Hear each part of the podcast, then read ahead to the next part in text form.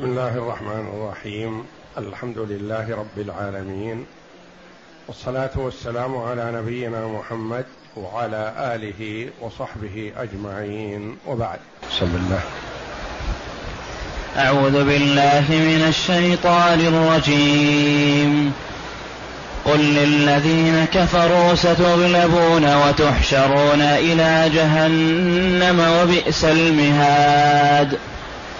قد كانت لكم آية في قد كان لكم آية في فئتين التقتا. فئة تقاتل في سبيل الله وأخرى كافرة يرونهم مثليهم رأي العين. والله يؤيد بنصره من يشاء. إن في ذلك لعبرة لأولي الأبصار.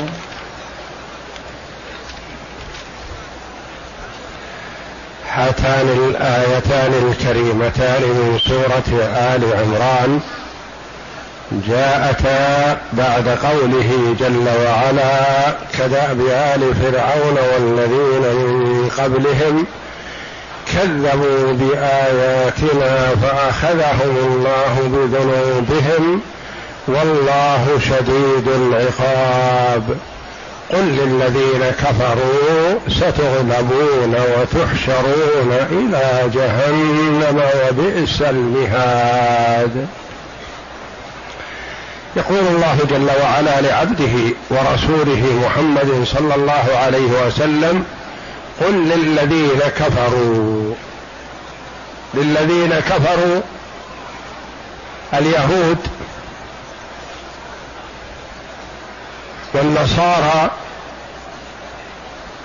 أو مشرك قريش أقوال للعلماء رحمهم الله والعبرة بعموم اللفظ لا بخصوص السبب. ذلك أن النبي صلى الله عليه وسلم بعد رجوعه من بدر وتأييد الله جل وعلا له بالنصر والغلبة على كفار قريش جمع اليهود وقال اتقوا الله وآمنوا بي فإني رسول الله إلى الناس كافة وإنكم لتعلمون ذلك وإنكم إن استمررتم على تكذيبكم فسيأتيكم ما أتى غيركم من الأمم ومن الناس الكافرين ممن كفر بالله ورسله. فقال اليهود لا يغرنك يا محمد أنك لقيت أناس لا معرفة لهم بالحرب. أما إنك لو حاربتنا لعرفت أنا نحن الناس. فأنزل الله جل وعلا قل للذين كفروا ستغلبون. تغلبون في الدنيا بالهزيمة بالقتل والجلى فمن اليهود من طرد عن المدينة ومنهم من قتل ومنهم من استرق. ستغلبون في الدنيا وتحشرون تجمعون وتحشرون إلى جهنم. وبئس المهاد بئس المهد هي. بئس المآل النار. وإنكم يا معشر يهود خاصة لأن عندكم العلم. تعلمون عاقبة كفركم. لكن ما حملكم على الكفر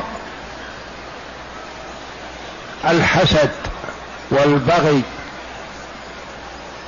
والعدوان والا فقد قال بعضهم لبعض يا قوم هذا الرجل هو الذي وصف لكم في كتبكم فآمنوا به تفلحوا لكنهم أبوا. وهم يعرفون ذلك كما قال الله جل وعلا يعرفونه كما يعرفون أبناءهم. يروى عن عبد الله بن سلام رضي الله عنه اليهودي الذي أسلم. حبر من أحبار اليهود. قال إني والله لا أعرف محمدا أكثر من معرفتي لابني. لأن محمد وصفه لي ربي بصفة ما تقبل الشك والريب. وابني ما أدري ما صنعت أمه.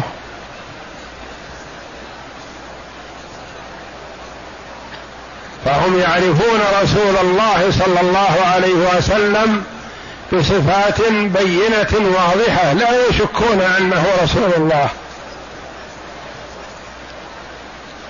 توعدهم الله جل وعلا بقوله قل للذين كفروا ستغلبون.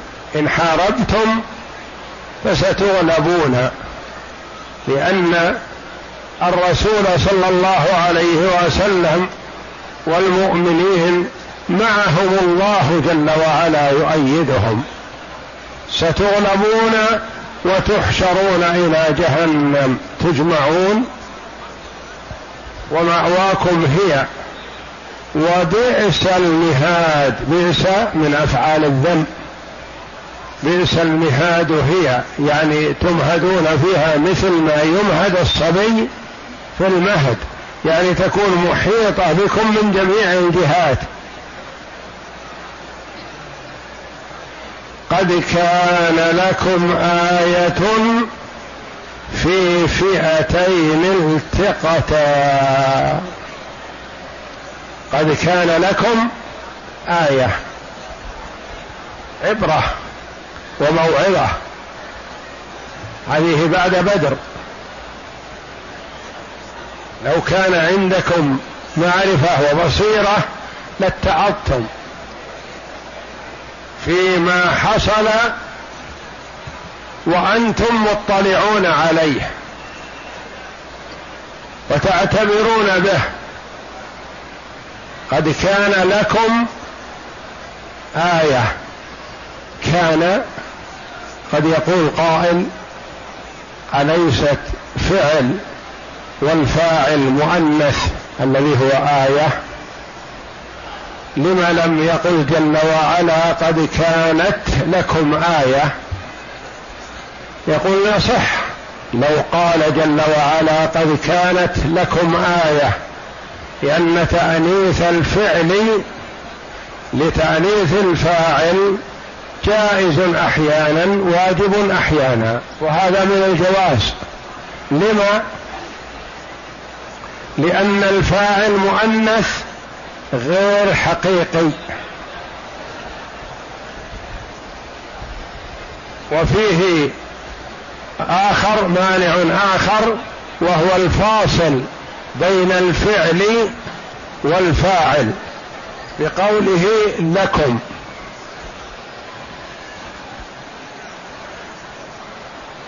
ما هو المؤنث غير الحقيقي؟ هو الذي لا فرج له. والمؤنث الحقيقي هو ما له فرج. الشمس مؤنث. حقيقي ولا مجازي؟ مجازي. قد كان لكم آية نقول جوز عدم تأنيث الفعل أمران. الفاصل وهو قوله لكم. وكون المؤنث مجازي وليس بحقيقي. قد كان لكم آية عبرة وموعظة في فئتين التقتا في جماعتين. التقتا ليستا متكافئتين ولا متقاربتين. فأيهما الغالبة؟ الأكثر عددا وعدة؟ لا والله.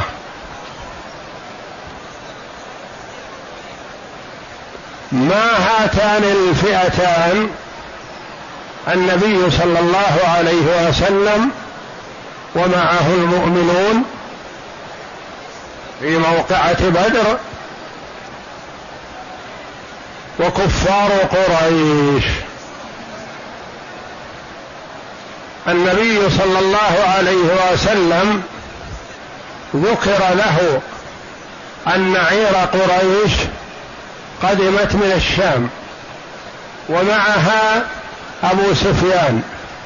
وعمال قلة للحملة. وكفار قريش أخرجوا النبي صلى الله عليه وسلم والصحابة من بلادهم وبيوتهم وأموالهم وظلموهم كل الظلم. فأراد النبي صلى الله عليه وسلم أن يعوض الصحابة ببعض ما فاتهم بان يغير على كفار على حملة كفار قريش. فعلم أبو سفيان بذلك وهو القائد فأجلب وأبعد عن الطريق الذي يتوقع أن محمدا صلى الله عليه وسلم يعترض له. وأرسل صارخا يصرخ في كفار قريش اللطيمة اللطيمة أدركوا عيركم. إن تأخرتم أخذها محمد ومن معه. وأمره أن يخلع ثيابه إذا وصل مكة ويكشف عن عورته. دليل على أن الأمر جد. وأخذ هو بالاحتياط الذي يقدر عليه فأبعد بالعير. فاكدت قريش على كل قادر منهم أن يخرج لملاقاة محمد صلى الله عليه وسلم. ومن لم يستطع الخروج يرسل بدله لحكمه يريدها الله جل وعلا. عمت جميع البيوت وكل الوجهاء خرجوا لها بطرا ورئاء الناس. ما كانوا يتوقعون أنهم يغلبون ويهزمون ابدا. بعد ذلك أرسل لهم أبو سفيان قال العير سلمت.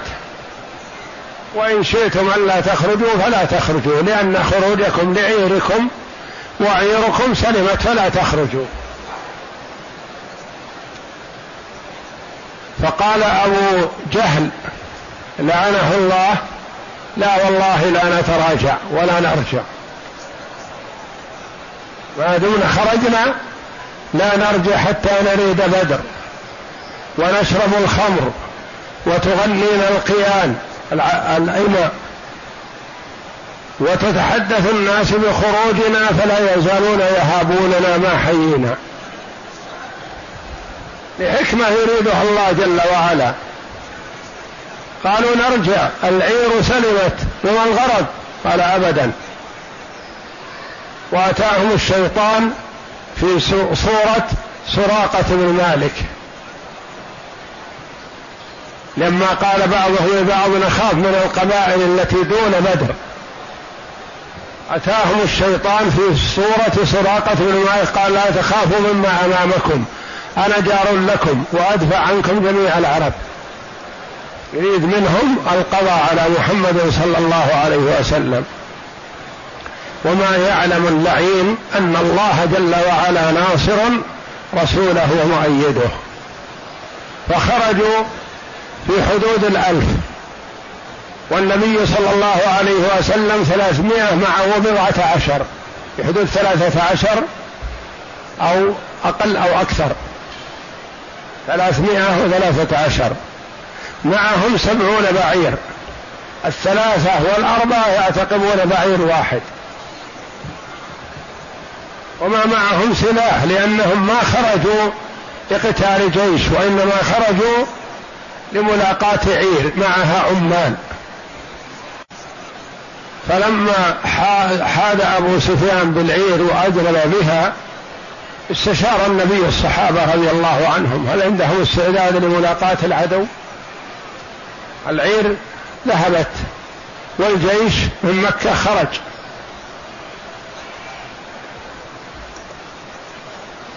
فنقنا الله جل وعلا صحابة رسول الله صلى الله عليه وسلم ما يسر رسول الله صلى الله عليه وسلم.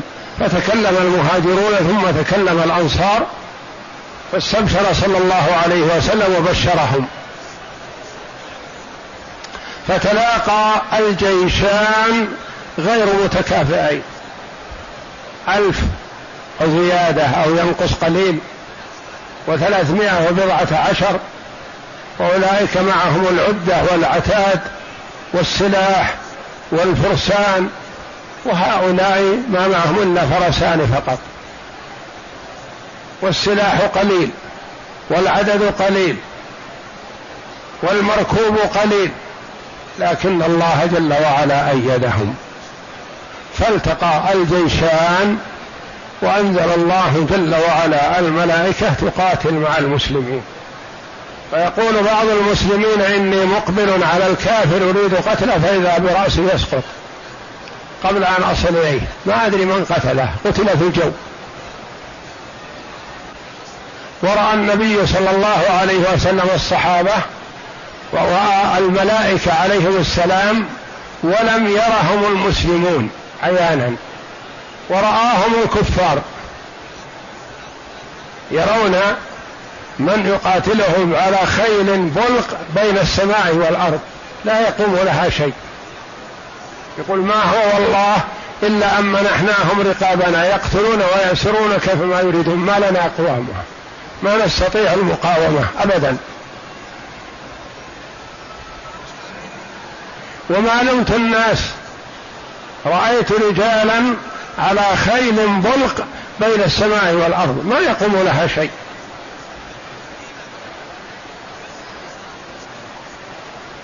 والفجرة الكفرة اليهود يقول لا يغرنك يا محمد أن لقيت أناسا لا لا علم لهم بالحرب. أما إنك لو حاربتنا لعرفت أنا نحن الناس. هم قتلوا وهزموا بإذن الله.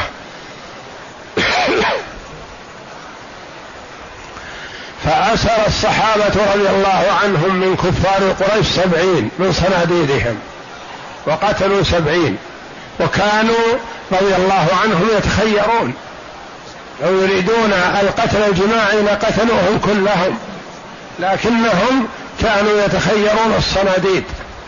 الأشد أذى للنبي صلى الله عليه وسلم. منهم أبو جهل الذي يتبجح كان حوله أمة محيطون به يحمونه أن يقتل فتسلط عليه اثنان من شباب الأنصار ودخلوا بوسط الغمة التي تحيط به وقتلوه ورجعوا لا غرض لهم بهؤلاء. لو أرادوا قتلوا بقتله جمع لكنهم ما أرادوا إلا هو عدو الله ورسوله. وإلا حوله ناس كفر محيطون به يدافعون عنه فتوجه إليه الشابان وقتلاه ورجع يبشر النبي صلى الله عليه وسلم بأنهم قتلا أبي جهل. قتلا أبا جهل وكل واحد يقول أنا قتلت يا رسول الله. قال أرني أروني سيفيكما. فرآها فرأى الدم فيهما فقال كلاكما قتله. يعني اشتركتم في قتله لأن كل واحد كان هدفه قتل هذا اللعين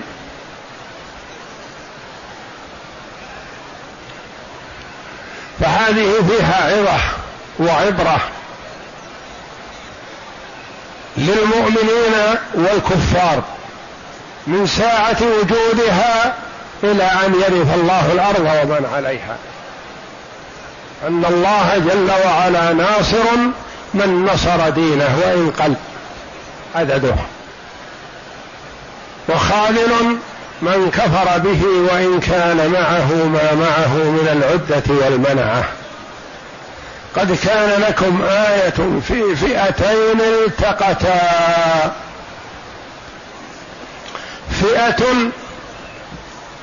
مؤمنة تقاتل في سبيل الله وأخرى كافرة تقاتل في سبيل الشيطان.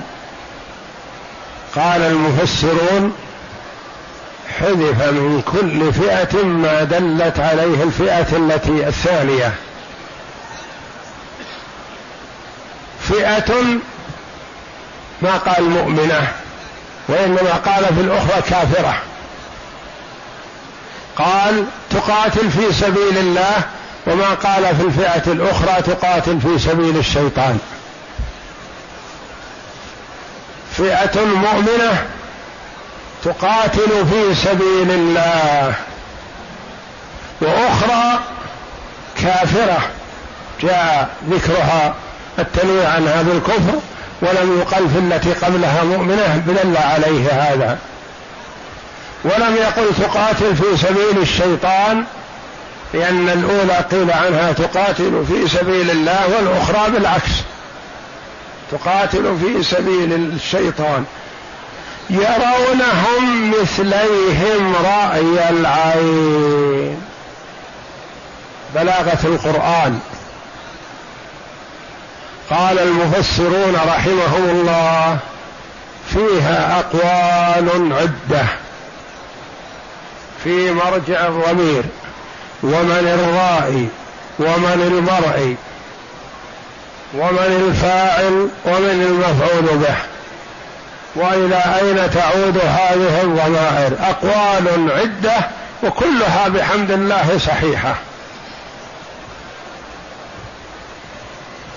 يرونهم مثليهم رأي العين. يرونهم يراهم المؤمنون يرون الكفار مثليهم والحقيقة أنهم أكثر. لكن لإدخال السرور عليهم أنهم يرونهم مثليهم وهم مأمورون بأن لا يفر الواحد من اثنين. يعني أنهم على قدرهم وعلى قدر من أمر الله من أمرهم الله بقتالهم. ولا يفرون عنه وهم أكثر. هم يرون يعني ثلاث مرات. يرونهم مثليهم رأي العين. يرى الكفار المؤمنين مثلي عددهم. اللي هم ثلاثمائة وبضعة عشر يرونهم ستمائة وستة وعشرون أو أكثر. يرونهم مثليهم. أقوال كثيرة في مراجع الضمير عليها وكلها لها مأخذ صحيح. وذلك أن الموقف متعدد. وذلك أن الله كما في سورة الأنفال قلل المسلمين في نظر الكفار. من أجل ماذا؟ هذا قبل المعركة. من أجل يقدموا. لأن الكفار لو رأوا أن عدد المسلمين ضخم وكبير قبل البدء بالمعركة انسحبوا. لكن رأوهم أنهم كلقمة سائغة يأخذونهم. يقول ما ما نتوقع أنها تستغرق أكثر من ربع ساعة. حفنة من الناس نقضي عليهم ونرجع. وهذا قول أبي جهل لعنه الله. يقول ما يحتاجون منا إلى مجهود؟ أبدا. دقائق نقضي عليهم ونعود. فيرونهم أنهم قليل لأجل يقدمون عليهم. ويرى المسلمون الكفار أنهم قليل يقللهم في أعينكم لأجل الإقدام كذلك. ما يصيبهم ضعف. أو يقول ما نستطيع هؤلاء هؤلاء ألف ونحن ثلاثمائة. يقللهم يقول عبد الرحمن بن عوف رضي الله عنه أنه يقول لصاحبه مثلا هل تراهم سبعين؟ قال لا يمكنهم مئة. وهم ألف. أتراهم سبعين؟ يعني كفار قريش. قال لا يراهم مئة. فقلل الله الكفار في أعين المسلمين ليوجد في نفوسهم القوة والشجاعة والإقدام. وقلل المسلمين في رأي الكفار حتى لا ينهزموا ولا يذهبوا. يريد الله جل وعلا منهم اللقاء أن يلقى بعضهم بعض. فهم قبل المعركة كل فريق يرى الفريق الآخر قليل. وعند بدء المعركة تغيرت نظرتهم. الكفار يرون المسلمين مثليهم يعني أكثر منهم أو أكثر من العدد الذي هو عليه ثلاثمائة حتى تنهار معنويتهم. ويرى المسلمون الكفار قلة حتى ينشطوا ويقدموا على القتال.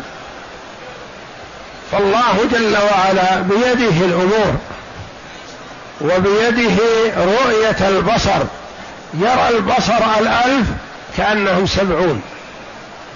والآخر يقول لا يمكن يجون مئة. وهم ألف.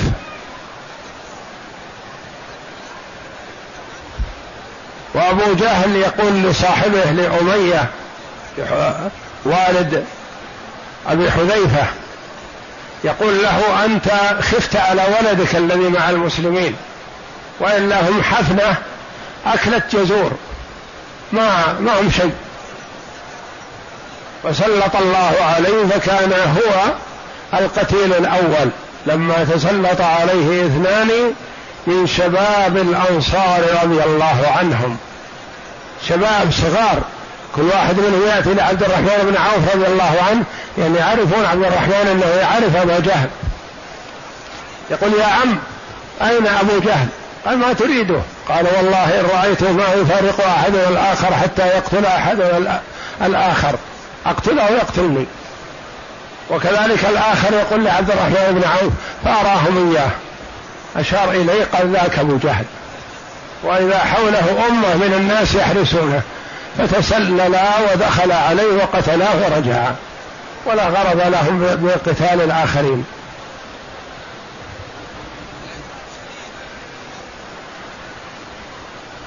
يرونهم مثليهم رأي العين. يعني في رؤية العين دون الحقيقة. الحقيقة شيء. ورؤيا العين يعني يراءى له. كما يراءى يتراءى الواحد منا مثلا حينما يصيب عينه ألم أو شيء يرى الواحد ثلاثة أو أربعة. مثليهم رأي العين والله يؤيد بنصره من يشاء. ليس التأييد ولا الغلبة بالسلاح ولا بالعدد ولا بالعدة ولا بالأكل والشرب ولا بالخيلاء وإنما التأييد من الله جل وعلا. الصحابة رضي الله عنهم مع النبي صلى الله عليه وسلم جياع ويمشون على الأقدام وليس معهم سلاح وما خرجوا لقتال وإنما خرجوا مع النبي صلى الله عليه وسلم لملاقاة العير. وأولئك بالعكس يقول والله لا نرجع حتى نرد بدر ونشرب الخمر وتغنينا القيان وننحر الجزر وتتحدث بنا العرب. تحدثت العرب بما يسوءه والحمد لله.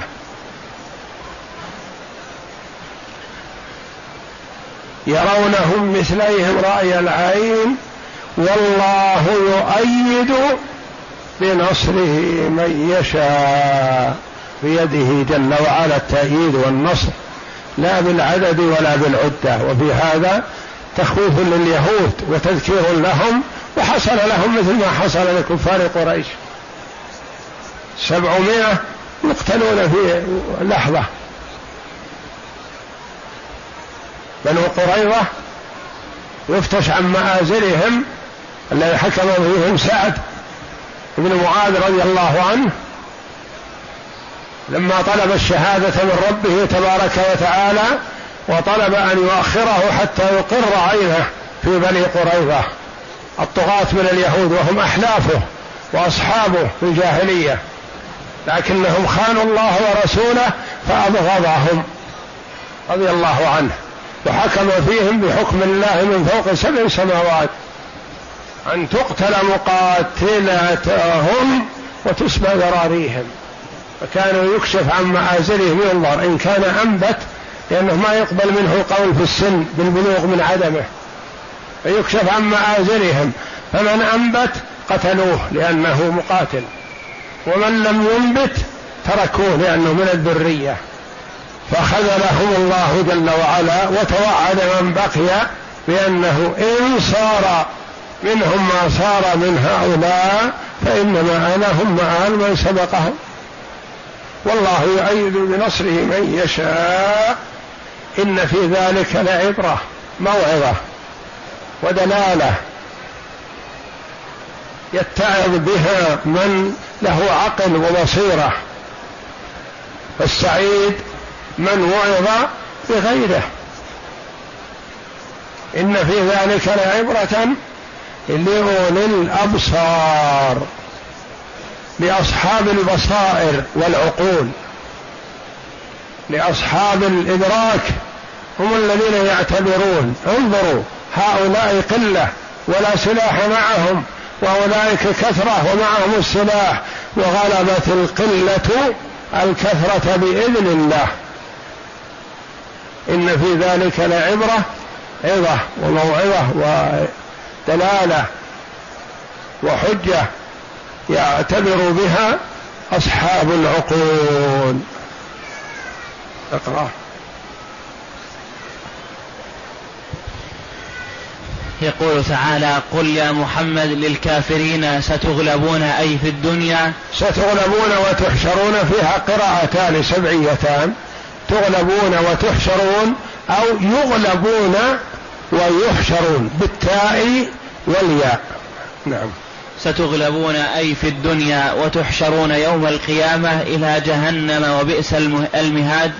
وقد ذكر محمد بن إسحاق أن رسول الله صلى الله عليه وسلم لما أصاب من أهل بدر ما أصاب ورجع إلى المدينة جمع اليهود في سوق بني قينقاع وقال يا معشر اليهود سوق معروف في المدينة سوق بني قينقاع اليهود من اليهود. أمرهم النبي صلى الله عليه وسلم أمر اليهود أن يجتمعوا فأتاهم في سوقهم هذا ووعظهم صلى الله عليه وسلم الناصح الأمين. يحب منهم الهداية والإقبال على الله والتوبة. لعل الله أن يدخلهم الجنة لكنهم أبوا الا النار والعياذ بالله. وما يترك عليه الصلاة والسلام فرصة. يجمع اليهود كلهم جميع. ويزور شاب يهودي مريض يدعوه إلى الله عليه الصلاة والسلام. ما يقول هذا ما يسوى أو ما يحتاج. شاب يهودي كان يأتي حول النبي صلى الله عليه وسلم ففقده النبي صلى الله عليه وسلم فسأل عنه. أين هو؟ قال هو مريض. قال هلم بنا نزوره؟ يهودي شاب. ما هم من رؤسائهم ولا من كبرائهم. فأتاه عليه الصلاة والسلام فوجده في آخر حياته. فدعاه إلى الله. فرفع الشاب طرفه إلى أبيه كالمستشير له. فقال له أبو أطع أبا القاسم لأنه يعني يعرف أن ولده الآن ميت وفرق بين أن يموت إلى النار أو إلى الجنة. أطع أبا القاسم فشهد أن لا إله إلا الله وأن محمد رسول الله ثم مات. فقال النبي صلى الله عليه وسلم للصحابة جهزوا أخاكم. وقال الحمد لله الذي أخرجه من النار به عليه الصلاة والسلام أو كما قال. فهو يدعو الأمة قاطبة ويدعو الفرادى عليه الصلاة والسلام والمرضى والأصحاء والكبار والصغار. والرجال والنساء عليه الصلاة والسلام. نعم. وقال يا معشر اليهود أسلموا قبل أن يصيبكم الله بما أصاب قريشا. قالوا يا محمد لا يغرنك من نفسك أن قتلت نفرا من قريش. كانوا أغمارا لا يعرفون القتال. إنك والله لو قاتلتنا لعرفت أن نحن الناس وأنك لم تلق مثلنا. فأنزل الله في ذلك من قولهم قل للذين كفروا ستغلبون وتحشرون إلى جهنم وبئس المهاد. إلى قوله تعالى لعبرة, لعبرة لأولي الأبصار. ولهذا قال تعالى قد كان لكم آية أي قد كان لكم أيها اليهود القائلون ما قلتم آية أي دلالة على أن الله معز دينه وناصر رسوله ومظهر كلمته ومعلن أمره. في فئتين أي طائفتين التقتا أي للقتال فئة تقاتل في سبيل الله وأخرى كافرة وهم مشركو قريش يوم بدر. وقوله تعالى يرونهم مثليهم رأي العين قال بعض العلماء يرى المشركون يوم بدر المسلمين المسلمين مثليهم في العدد رأي أعينهم أي جعل الله ذلك فيما رأوه رأوه سببا لنصرة الإسلام عليهم. وهذا لا إشكال عليه إلا من جهة واحدة وهي أن المشركين بعثوا عمرو بن سع... عمر بن سعيد عمر بن سعد يومئذ قبل القتال يحرز لهم المسلمين فأخبرهم بأنهم ثلاثمائة يزيدون قليلا أو ينقصون قليلا. هذا عين للمشركين أرسلوه قالوا اصبر لنا القوم انظر كم مع محمد. فجاء ودار عليهم بفرسه ورجع إلى قومه قل هم قال هم ثلاثمائة يزيدون قليلا وينقصون قليلا. يعني ضبط الخراس والقياس والتقريب هم على ما قال. نعم.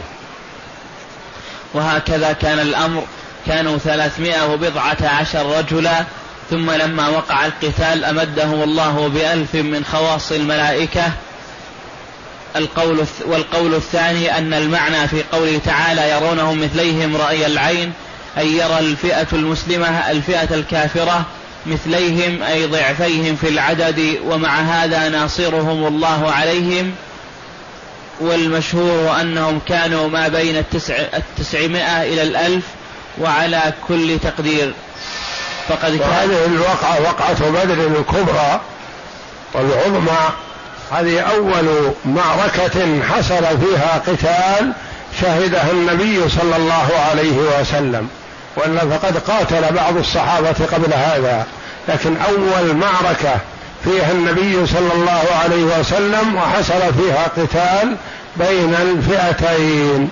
فأيد الله جل وعلا رسوله صلى الله عليه وسلم والمؤمنين. وعلى كل تقدير فقد كانوا ثلاثة أمثال المسلمين وعلى هذا فيشكل هذا القول والله أعلم.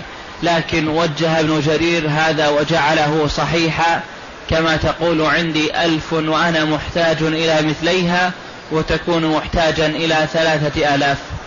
كذا قال وعلى هذا فلا إشكال لكن بقي سؤال آخر وهو وارد على القولين. وهو أن يقال ما الجمع بين هذه الآية وبين قوله تعالى في قصة بدر وإذ يريكهم وإذ يريكموهم إذا التقيتم في أعينكم قليلا ويقللكم في أعينهم ليقضي هذه في سورة الأنفال. نعم. ليقضي الله أمرا كان مفعولا.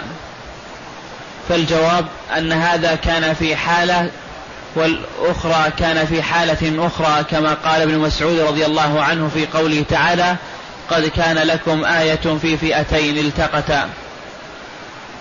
الآية قال هذا يوم بدر وقد نظرنا إلى المشركين فرأيناهم يضعفون يضعفون علينا ثم نظرنا إليهم فما رأيناهم يزيدون علينا رجلا واحدا. وذلك قوله تعالى وإذ يريكموهم إذ التقيتم في أعينكم قليلا ويقللكم في أعينهم الآية. وقال هو الله أمرا كان مفعولا. يهيئ الله أسباب ما يريده سبحانه وتعالى. نعم. وقال أبو إسحاق عن عبد الله بن مسعود رضي الله عنه لقد قللوا في أعيننا حتى قلت لرجل إلى جانبي تراهم سبعين قال أراهم مئة. قال فأسر عبد الله بن مسعود رضي الله عنه يقول لرفيقه تراهم سبعين؟ قال لا أراهم مئة يزيدون عن السبعين. وهم ألف. قال فأسرنا رجلا منهم فقلنا كم كنتم؟ قال ألف. فعندما تعجبوا لما أسروا واحد من المشركين وهم يتحدثون فيما بينهما واحد يقول مئة واحد يقول سبعين. فأسروا واحد من الكفار قالوا كم أنتم؟ قال نحن ألف. فتعجبوا رضي الله عنهم. كيف يرونهم بهذه القلة وهم هذه الكثرة؟ فعندما عاين كل من الفريقين الآخر رأى المسلمون المشركين مثليهم أي أكثر منهم بالضعف ليتوكلوا ويتوجهوا ويطلبوا الإعانة من ربهم عز وجل. ورأى المشركون المؤمنين كذلك ليحصل لهم الرعب والخوف والجزع والهلع. ثم لما حصل التصاف والالتقاء قلل الله هؤلاء في أعين هؤلاء وهؤلاء في أعين هؤلاء ليقدم كل منهما على الآخر ليقضي الله أمرا كان مفعولا. والله أعلم. وصلى الله وسلم وبارك على عبده ورسول نبينا محمد وعلى آله وصحبه أجمعين.